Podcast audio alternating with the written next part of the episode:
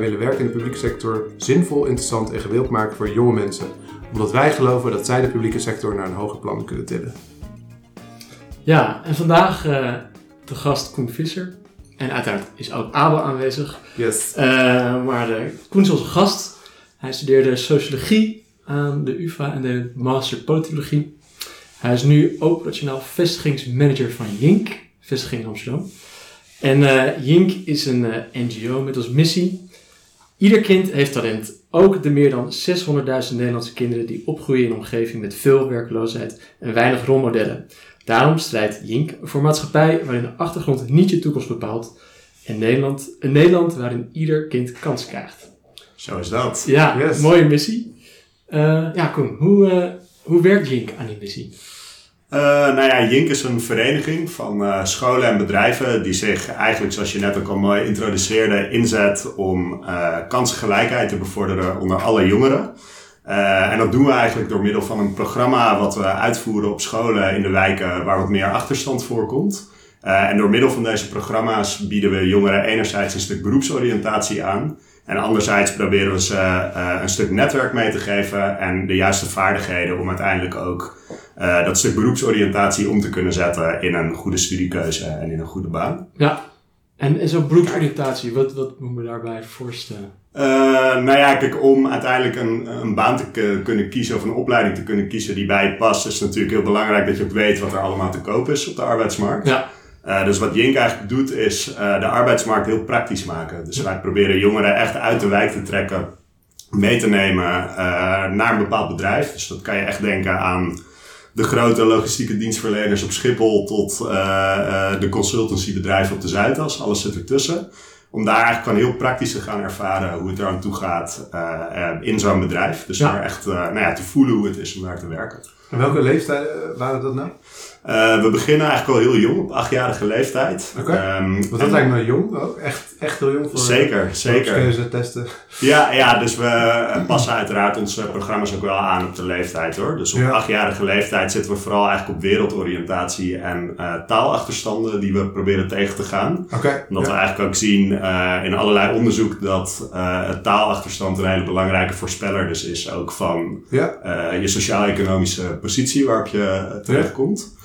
Maar dat is interessant, want, want uh, uh, wat jullie missie zie ik heel erg als iets wat je naast het onderwijs zou hebben. Maar taal is natuurlijk ook echt heel erg deel van het onderwijs. Zeker. Waarom kiezen jullie ook ervoor om dat te versterken?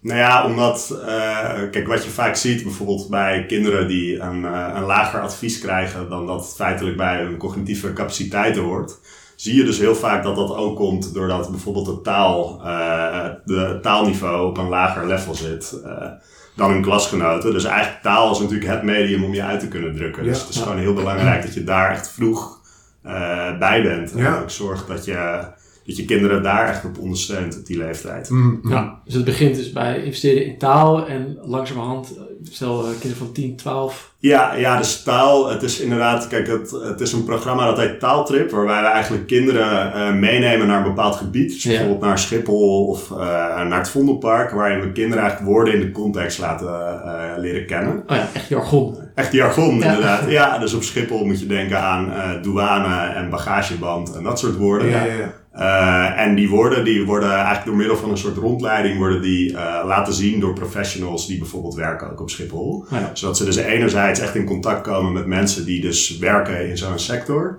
Uh, en anderzijds dus ook echt door nou ja, zo'n woord ook te zien live in de context. Ja. daarvan weten we natuurlijk dat het veel beter blijft hangen uiteindelijk. Ja, tof. En ik zie ook heel vaak baas voor een dag voorbij komen. Ja, dat is onze grote jaarlijks terugkerende dag inderdaad. Ja. En dat is eigenlijk een dag waarop we uh, voor één dag in het jaar aandacht willen vragen voor wat we eigenlijk het hele jaar door doen. Mm -hmm. Eigenlijk dus door een baas van nou ja, de ABN AMRO Bank, de bestuursvoorzitter, tot uh, noem ze maar weer op. Die wisselen, of die staan dan eigenlijk voor één dag een stoel af aan een uh, leerling uit onze doelgroep. Ja. Om nou ja, zo op die manier die belevingswerelden bij elkaar te brengen. En dat is zowel voor leerling als baas altijd een te gekke dag. oh, mooi. ja. ja. Ik zie ze ook op LinkedIn uh, langskomen inderdaad. Ja, ja die wordt altijd heel goed opgepikt. Ja. ja. en uh, jij, jij bent, uh, moet ik het goed zeggen? Functioneel, nee, operationeel. operationeel. maar ook heel functioneel. Ook heel functioneel. operationeel vestigingsmanager. Wat, wat houdt dat in? Uh? Ja, dat betekent eigenlijk dat ik uh, verantwoordelijk ben voor de vestiging Amsterdam. Mm -hmm. uh, daar werken op dit moment ongeveer 30 mensen hebben we in dienst. dus projectleiders, projectmedewerkers, projectassistenten. Ja. Uh, en eigenlijk is het mijn taak om ervoor te zorgen dat we nou ja, onze jaardoelen uh, vaststellen en dus uiteindelijk ook behalen. Ja. Dus ik ben uh, ja, operationeel aansturend van de vestiging. En wat, wat voor jaardoelen zijn dat? dat kan zijn op het vlak van bereik bijvoorbeeld. Dus we hebben natuurlijk altijd een x aantal leerlingen wat we met onze programma's op jaarbasis willen, willen bereiken. Ja. Ja. Uh, dat kan ook op uh, de kwaliteit of de impact van onze programma's. Dus dat we zelf echt weer eens onder de loep nemen van doen we nog wel de juiste dingen om mm -hmm. die impact echt wel te bereiken. Mm -hmm. uh, dat zit hem op het werven van bijvoorbeeld gelden voor onze projecten. dus eigenlijk ja, het totaalplaatje wat er nodig is om zo'n vestiging draaiende te houden. Ja. ja. Want ik, ik ben wel een vraagje over dat bereik. Dat vind ik wel interessant. Ik, ik moet zeggen, van 600.000 best schrik dat er zoveel zijn in Nederland um, uh, kinderen die in die omgeving, jongeren die in die omgeving opgroeien. Van werkeloosheid en weinig rolmodellen, zoals jullie zeggen. Maar uh, hoe, hoeveel bereiken jullie er, denk je? Met de Jink als organisatie, dat weten jullie waarschijnlijk ja. ook best goed. Uh, op landelijk niveau, nou ja, we zitten nu natuurlijk wel in een coronatijd, moet ik erbij zetten. Dus het is allemaal een stuk moeilijker geworden om die, die cijfers echt te bereiken. Maar eigenlijk vlak voor corona zaten we zo richting de 70.000. Oké, okay, uh, per jaar. Ja. Per jaar. In heel Nederland is dat. Ja, in heel Nederland. En in Amsterdam zijn dat er ongeveer 15.000. Oké. Okay. Dus voor jullie beeld, daarmee zitten we ongeveer op de helft van de doelgroep zoals die gedefinieerd is. In, uh, in Amsterdam? In Amsterdam, Oké, want landelijk dus veel lager als, ja. Ik, als het Ja, maar okay. Jink is ooit begonnen ook in Amsterdam. Ja, ja, uh, okay. Dus we zitten hier echt wel diep ingeworteld in het onderwijs. Oké, ja. ja.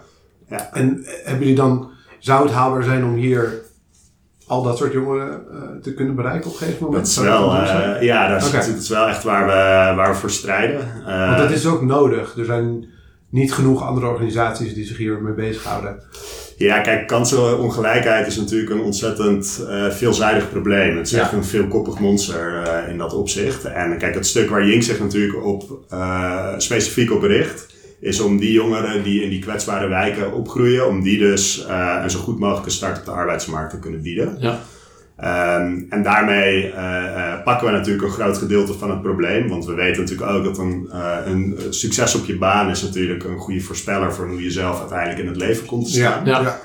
Uh, maar goed, tegelijkertijd heb je natuurlijk ook nog steeds veel kinderen uh, die bijvoorbeeld niet het geld hebben voor een laptop of ja, iets in die richting. en dat zijn natuurlijk uh, onderdelen van het probleem kansongelijkheid waar Jink zich niet mee bezig gaat. Ja. Ja. Het idee is dan dat je eigenlijk heel vroeg moet investeren voor die goede start op de arbeidsmarkt. Ja, klopt. Ja, omdat natuurlijk in Nederland selecteren we natuurlijk echt al op ontzettend jonge leeftijd. Dus zijn wij een van de vroegste ter wereld mee. Hmm. Uh, en nou ja, kijk, je vindt er wat van, geloof ik, of niet? Oh, anders ik wel. Ik, ja. ik uh, ben afgestudeerd op uh, kansongelijkheid. Oh, echt waar? Nou, nee. Um, hoe de sociaal-economische status van de ouders van invloed is op het advies. Ja. Middelbare schooladvies. Ja, ja. ja dat is inderdaad ook een van de, de onderzoeken die wij ja. graag ook zelf aanhalen als teken van... jongens, we reproduceren hier iets wat eigenlijk niet oké okay is. Ja, ja. dus ja, nee, dat is absoluut heel zichtbaar. ja. Ja, brede, ja, brede zou, zou eigenlijk los van, je zou niet per se een correlatie daar hoeven verwachten of zo. Ja. Nou ja, kijk, wat ik zelf ook vrij schrijnend vind, dat is een paar jaar terug uit een uh, uh, rapport van de onderwijsinspectie naar voren gekomen. Dat dus ook blijkt dat het, uh, het advies wat er is gegeven vaker wordt herzien bij hoger opgeleide ja, ouders dan bij lager opgeleide ouders. Terwijl daar vaak dan in scoren helemaal niet uh, op de CITO bijvoorbeeld een, niet een hele directe aanleiding nee. is.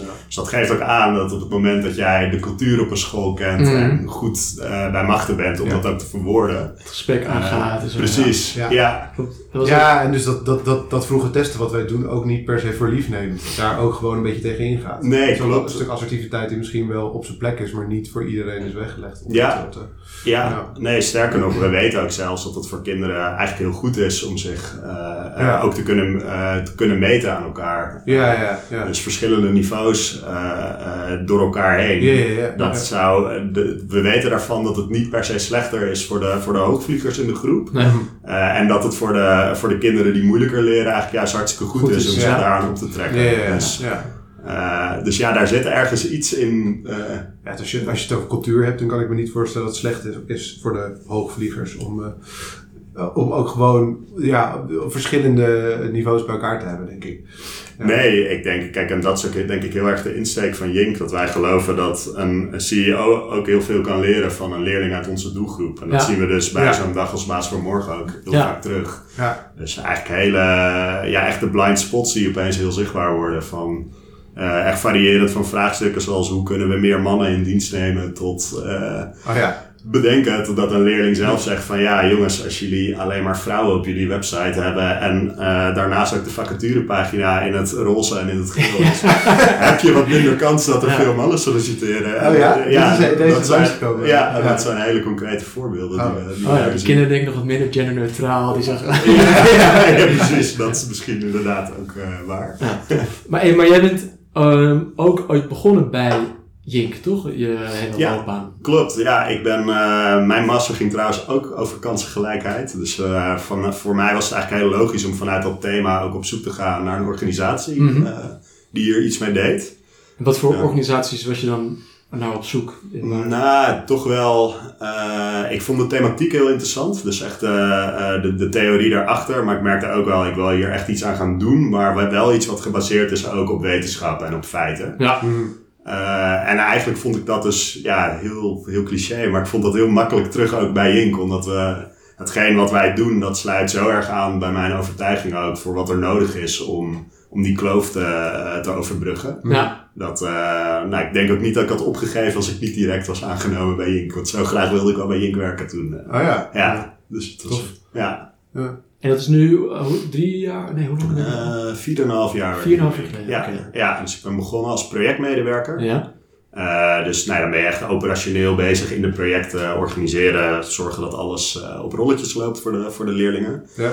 Toen ben ik uh, daarna projectleider geworden. Dus dan ben je voor één project echt overkoepelend, bouw je het overzicht. En nou ja, zorg je, zorg je voor het behalen van die doelen in zo'n project. Ja. En nu sinds uh, afgelopen mei ben ik vestigingsmanager dus, uh, van Jink Amsterdam. Ja, best snel gaan dan. Ja, ja, en dat tekent Jink als werkgever denk ik ook wel hoor. Dat er uh, veel kansen liggen. Dus nou ja, een organisatie die voor mm -hmm. gelijke goede kansen strijdt, moet ze natuurlijk ook intern zelf bieden. Ja. Dus ja, ja. dus ja, nee, dat is inderdaad best snel gegaan. Ja, ja. Hoe, hoe, hoe, zou je dan, je zegt best snel gaan en biedt veel kansen. En, uh, nou, wij, wij focussen ons op de publieke en de semi-publieke sector. Uh, en onze kritiek is dat het soms een beetje log is en juist niet zo snel gaat. Hoe zou je dan nou, misschien Jink daarin plaatsen of en NGO's in het algemeen, als je daar zicht op hebt? Ik denk, als ik het even op Jink specifiek betrek, wat ons wel uniek maakt, is toch ook uh, ons fundingmodel. Mm -hmm. uh, want wij worden voor 60% eigenlijk gefinancierd uit partnerschappen met het bedrijfsleven. Mm -hmm. Uh, dus die voeren onze projecten enerzijds uit en betalen ons daarnaast een fee voor het lidmaatschap van de vereniging. Ja. Um, en doordat dat eigenlijk zo'n grote hap is van onze begroting, kunnen we eigenlijk heel autonoom daarin ook handelen en dus ook kijken naar uh, trends of tendensen die we zien in de stad. Ja. Wat dus eigenlijk maakt dat we dus heel snel slagvaardig kunnen, kunnen opereren ook. Ah, ja. uh, en waar je toch inderdaad vaak ziet dat uh, vanuit de overheidsstukken, ja, beleid maken duurt gewoon langer, moet getoetst worden. Ja. Moet vervolgens nog een keer getoetst worden als het geëvalueerd is, et cetera, et cetera. En ja. bij Jink hebben we heel erg de, de mentaliteit van uh, ontwikkelen, doen en, uh, en vervolgens uh, kijken dus zeg maar na de pilotfase uh, gaan we pas echt de puntjes op de i zetten, zodat we gewoon wel echt al meters kunnen maken. Ja, ja. Dus we zijn echt een lerende, aldoende lerende organisatie. Ja. ja. En kan je, kan je een voorbeeld noemen van, van, is het dus wel eens voorgekomen dat je ziet bij de gemeente Amsterdam dat ze bijvoorbeeld op een bepaald spoor zitten op dit onderwerp waarvan jullie zeggen, nou dat is alweer niet zo relevant of ik zou juist hierop inzetten en dat jullie echt met iets anders bezig zijn dan je in beleid terugziet? Mm. Nou ja, niet zozeer denk ik in een beleidstendens. Maar kijk, wat natuurlijk wel een grote vraag is, is waartoe dient onderwijs uiteindelijk? Uh, ja. Is onderwijs uh, bedoeld om leerlingen zo goed mogelijk burgerschap of een zo goed mogelijk burger uh, te laten worden en de maatschappij in te plaatsen? Mm. Of is het als het ware een soort van voorstadium voor je werkende carrière? Ja. Ja. Dat vraagt natuurlijk toch wel andere aanpassingen. Mm. Uh, en wat we daarin wel vaak zien is, of horen vanuit het bedrijfsleven, is dat veel jongeren toch worden opgeleid in een bepaalde beroepsgroep. Maar op het moment dat ze die kennis die ze hebben opgedaan op school daadwerkelijk gaan toepassen, is die eigenlijk alweer achterhaald. Oké. dus daarin zie je wel dat het gewoon heel moeilijk is om zoiets publieks als onderwijs, om dat synchroon te laten lopen met de ontwikkelingen die er in het bedrijfsleven gaande zijn. Want je noemt dit, dit signaal en dan begint ze ook van, nou, ik ben wel heel erg geïnteresseerd op die wetenschappen. Uh, heeft Jink, want jullie doen ook een soort van signalerende rol richting dan de overheid. En nou, is, is dat zo? Dat is misschien de eerste vraag. Ja, zeker. Ja. ja. dus we hebben eh, inderdaad, ja, ik begon met, met mijn verhaal, inderdaad van 60% worden we uit het bedrijfsleven gefinancierd. Uh, en ook 20% van ons fundingsmix uh, die komt dus uit overheidsgelden. Ja. Uh, dus met de gemeente Amsterdam hebben we een hele echte relatie waarin we ook echt wel, nou ja, een signalerende functie hebben van gedachten wisselen. Ja. Uh, wat er mm. nodig is voor onze doelgroep in die wijken waar we actief zijn. Mm. Ah, tof. En dat, dat, dat nemen ze ook graag voor je aan. Zeker, ja. ja. Dus zeker in coronatijd hebben we echt heel veel uh, ook met elkaar geschakeld over...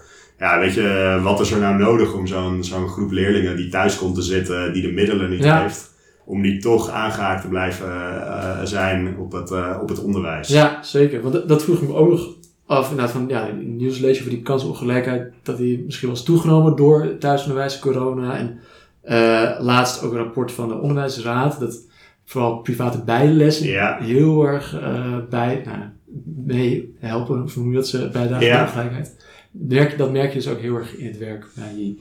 Uh, ja, nou kijk, in zekere zin... Of de afgelopen periode natuurlijk dan. Ja. ja. kijk, in zekere zin doen wij natuurlijk eigenlijk hetzelfde uh, door ook extra's te bieden, mm. maar juist dan aan de leerlingen die het extra hard nodig hebben. Ja. Uh, maar goed, nee, de, uh, kijk, er is natuurlijk sprake van een enorme diploma-inflatie al de afgelopen, wat zal het zijn, ik denk 50 jaar of zo, is, die, al, is die al gaande.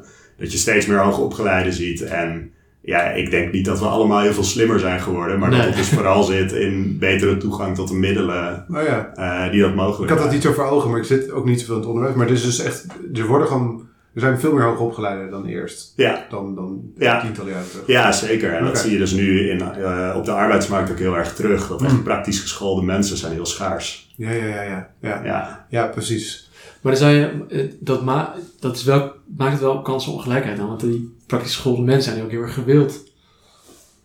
Klopt, alleen wat we toch vaak zien is uh, het kiezen voor een bepaalde opleiding. Daarvoor moet je natuurlijk ook weten hoe de arbeidsmarkt uiteindelijk in elkaar steekt. En dat is ook wat we bij Jink heel erg proberen te doen. Dus kinderen echt meenemen. Nou ja, allereerst laten ontdekken van waar liggen mijn eigen interesses ja. uh, en talenten nou. Ja. En vervolgens ook echt uh, het pad naar hoe ga je die dan omzetten in een goede baan. Die, uh, daar proberen we kinderen echt in te begeleiden. Ja. Um, dus kijk, wat je vaak ziet is uh, dat banen als accountant of mm -hmm. uh, advocaat of weet ik het wat, uh, dat die toch een soort hoger aanzien hebben dan loodgieter of timmerman, ja. zeg maar wat. Terwijl als je kijkt naar MBO-niveau banen, waar toch het gros van de doelgroep waar, wij, waar wij mee werken, die komt van het VMBO. Mm -hmm. Uh, dan zie je dat de kans op een goed betaalde baan uiteindelijk veel groter is uh, als loodgieter dan als accountant op MBO-niveau. Ja, precies. Ja. Ja, ja. ja. dus het is ook echt heel erg uh, het juiste perspectief weergeven. Van precies, ja. ja.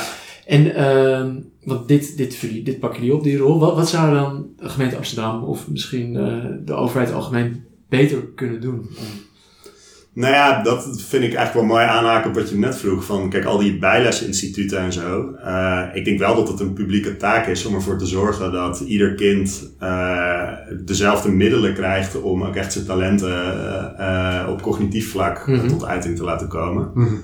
Uh, nu is het zo dat als je in Amsterdam Zuid op school gaat, dat je ouders of iemand in je omgeving vaak wel een mooi potje heeft voor een huiswerkklas. Ja. Dat zou je eigenlijk publiekelijk toegankelijk moeten maken. En misschien nog wel wat extra voor de scholen in die wijken waar dat extra nodig is. Ja.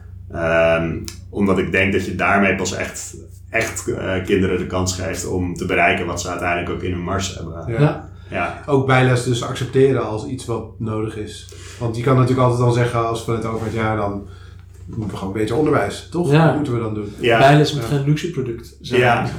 ja, maar ja, het is ook een feit dat het er is. En, ja. Uh, ik denk ook op zich dat er vanuit het idee om je wat extra bij te laten scholen, om toch tot een bepaalde prestatie te komen, dat daar ook niet zoveel mis mee is. Maar... Het kan natuurlijk, school is natuurlijk een leerverplichting aan vast en bijles. Het kan ook op initiatief van leerlingen zelf zijn. Ja. Dat is natuurlijk een een verschil daarin. Ja. Uh, ja. Maar goed, ik weet nog, toen ik in de vijfde, zesde zat, toen kon je naar, volgens mij was dat in Leiden, daar kon je voor heel veel geld, kon je min of meer, ik chargeer het een beetje, maar een, een, eindexamen kopen, uh, kon je daar. Daar werd je helemaal meegenomen in, uh, in nou ja, precies de vraagstelling, volgens mij van dezelfde leverancier van die toetsen en zo. Ja. Nou ja, en dat geeft natuurlijk een gigantisch groot voordeel ten opzichte mm. van kinderen die het allemaal vanuit het boekje moeten doen. Ja. ja. Wat je eigenlijk, wat je hoort zeggen is van ja, al die, dit soort dingen zijn er, hè, die extra bijlessen en die uh, examentrainingen. Daar doe je niks aan, maar je moet ervoor zorgen dat die kansen dus ook zijn voor de mensen die niet, voor de die niet een potje hebben. Ja. ja. En, en, wie zou daar verantwoordelijk voor moeten zijn? Nou ja, zoals de, de wethouder van onderwijs nu in Amsterdam ook altijd wel mooi zegt, is je moet ongelijkheid moet je ook ongelijk behandelen. Mm dus ik denk dat het een overheidstaak is om uh, in samenwerking met scholen ook te kijken van wat kunnen wij nou extra op die scholen ja. in de vorm van gelden of dit soort private eh, clubs ook daadwerkelijk inkopen voor dit soort scholen. Ja ik denk dat dat uiteindelijk ook goed is voor de hele economie, voor de hele maatschappij, voor de hele arbeidsmarkt. Ja. Dus ja. Uh, ik denk dat het relatief veel goedkoper is zelfs om dat op jonge leeftijd te doen dan later een groep mensen te hebben zitten die zijn opgeleid voor een, uh, een functie die niet bij ze past. Nee, ja. Mm. Stel dat we daar steeds meer naartoe gaan, hoe kan Jink zich ontwikkelen om nou ja, daar te kunnen blijven bijdragen?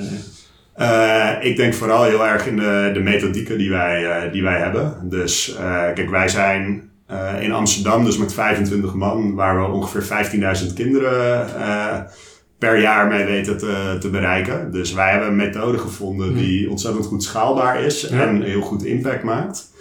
dat hebben we ook laten onderzoeken. Welke methode is dat? Uh, hoe bedoel je? De, nou, je zegt de, de methode die goed schaalbaar is of de... Ja, dus eigenlijk de methode hoe wij werken. Dus door middel van een soort intermediair functie die wij eigenlijk zijn tussen onderwijs uh, en bedrijfsleven. En door echt de professionals uit het bedrijfsleven eigenlijk te faciliteren zodat zij de trainingen kunnen doen. Uh, die methode is gewoon heel, heel impactvol gebleken. en daarmee, kijk, je hebt overal bedrijfsleven in Nederland, dus dat is heel goed schaalbaar natuurlijk. Ja, ah, op die manier. Ja. Ja. Is dat een soort van uh, train-the-trainer model? Ja, eigenlijk wel. Ja.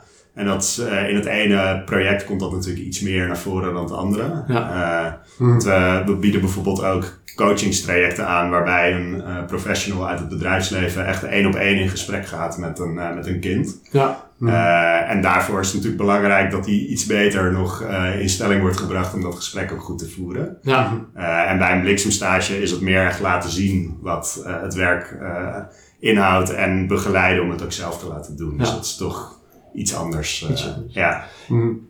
je zei net aan het begin van, we zitten echt van op de Zuidas tot Schiphol, bagageverwerking. Ja. Zijn er nog sectoren waar jullie nog meer in kunnen vestigen? Of die nog missen in het scala? Nou, ik zou ICT is natuurlijk wel de sector van de toekomst. Mm en dat is ook wel waar we echt onze pijlen op richten. Ja. Uh, maar ICT mag altijd... Uh, altijd meer. Ja, ja, ja. Meer bedrijven. Dus. Meer bedrijven, ja, ja, zeker. Ja. Nou ja, bij deze. Dus bij deze, ja. Als er iemand is. Ja.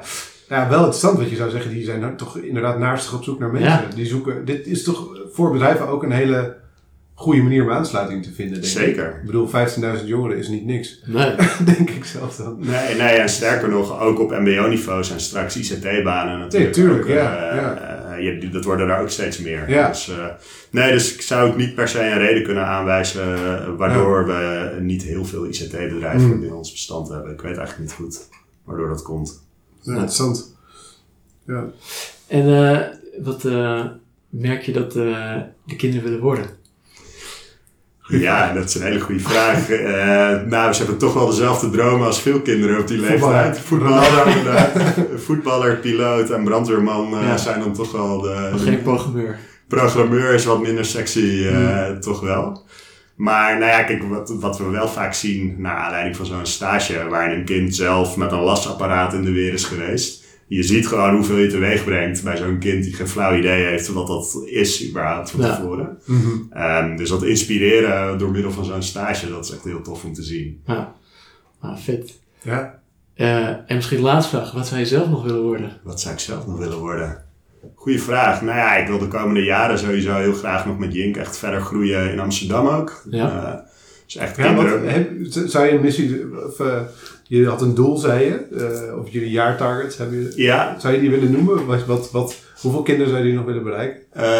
nou, voor de komende jaren willen we vooral de kinderen die we al bereiken, willen we ook vaker gaan bereiken. Oké, ja. Dus 15.000 niet per se uitbreiden, maar vooral Precies, intensiever. intensiever. Ja, ja uh, omdat we ook eigenlijk ook weer vanuit ons eigen impactonderzoek weten dat uh, de kracht van herhaling gewoon heel belangrijk is uh, in deze programma's. En daar zit denk ik uiteindelijk ook echt nog een hele grote winst in voor ons. Hmm, ja. Is dat ook een beetje bewust geweest?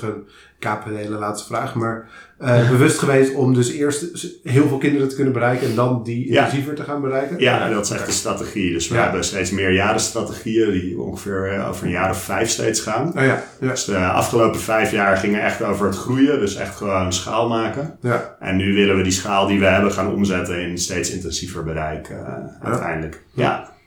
Oké. Dus dat, uh, dat wil je nog doen? Dat wil ik. Uh, ja. ja, ja, dat zou uh, zeker. Ja, dus ja, als we daar de komende vijf jaar een mooie stap in kunnen zetten, dan, dan ben ik heel blij. En dan is er ook nog heel veel te doen bij Ink. Dus, Tof. Ja. Tof. Ah, heel cool. En ja, weet je, iedereen in de ICT meldt je bij Koen Visser. Heel graag. bij Ink. En dan wordt het een mooie bliksemstage op basis van een dag. Absoluut, absoluut. Dat gaan we regelen. Dank, jullie wel. Ja. ja, hartelijk bedankt Koen. Dit was een podcastaflevering van Jong Publiek.